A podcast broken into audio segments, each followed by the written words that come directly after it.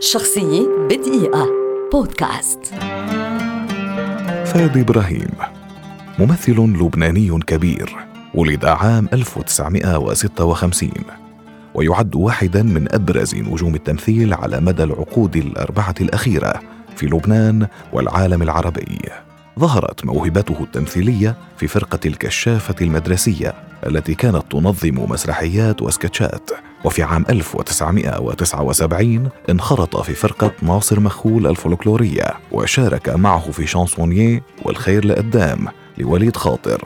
ثم في مسرحية للأطفال حكاية ست أم فؤاد. رشحه الممثل الكبير الراحل إليس نايفر لأداء دور شخصية أجنبية في مسلسل الوحش الذي شكل تجربته الاحترافية الأولى. لكن بوابة الشهرة الأولى التي انفتحت في مسيرة فادي إبراهيم جاءت بعد مشاركته في إعلان بطارية ريوفاك. تلقى على يد المخرج رشيد علامة دروس الإلقاء ومخارج الحروف وأسند إليه علامة نفسه دور البطولة في مسلسل وأمطرت ذات صيف عام 1982 لكن النجاح الاستثنائي والقفزة النوعية في مسيرة فادي إبراهيم المهنية جاءت بعد مشاركته في مسلسل العاصفة تهب مرتين بدور نادر صباغ الشخصية التي طبعت مسيرته كاملة رغم تنوعها وتوالت بعد ذلك أعماله في التلفزيون والمسرح والسينما وشارك في أعمال عربية مشتركة. إلى جانب التمثيل. عمل فادي إبراهيم كمدبلج لمسلسلات ولأفلام وثائقية لتلفزيون لبنان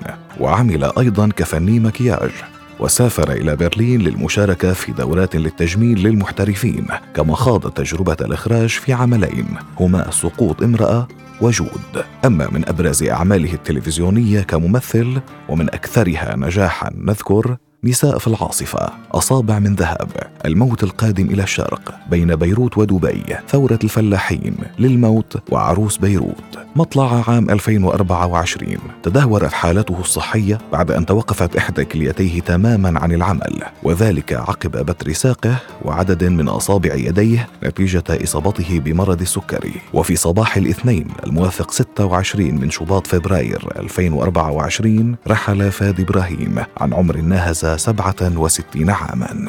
شخصية بدقيقة. بودكاست.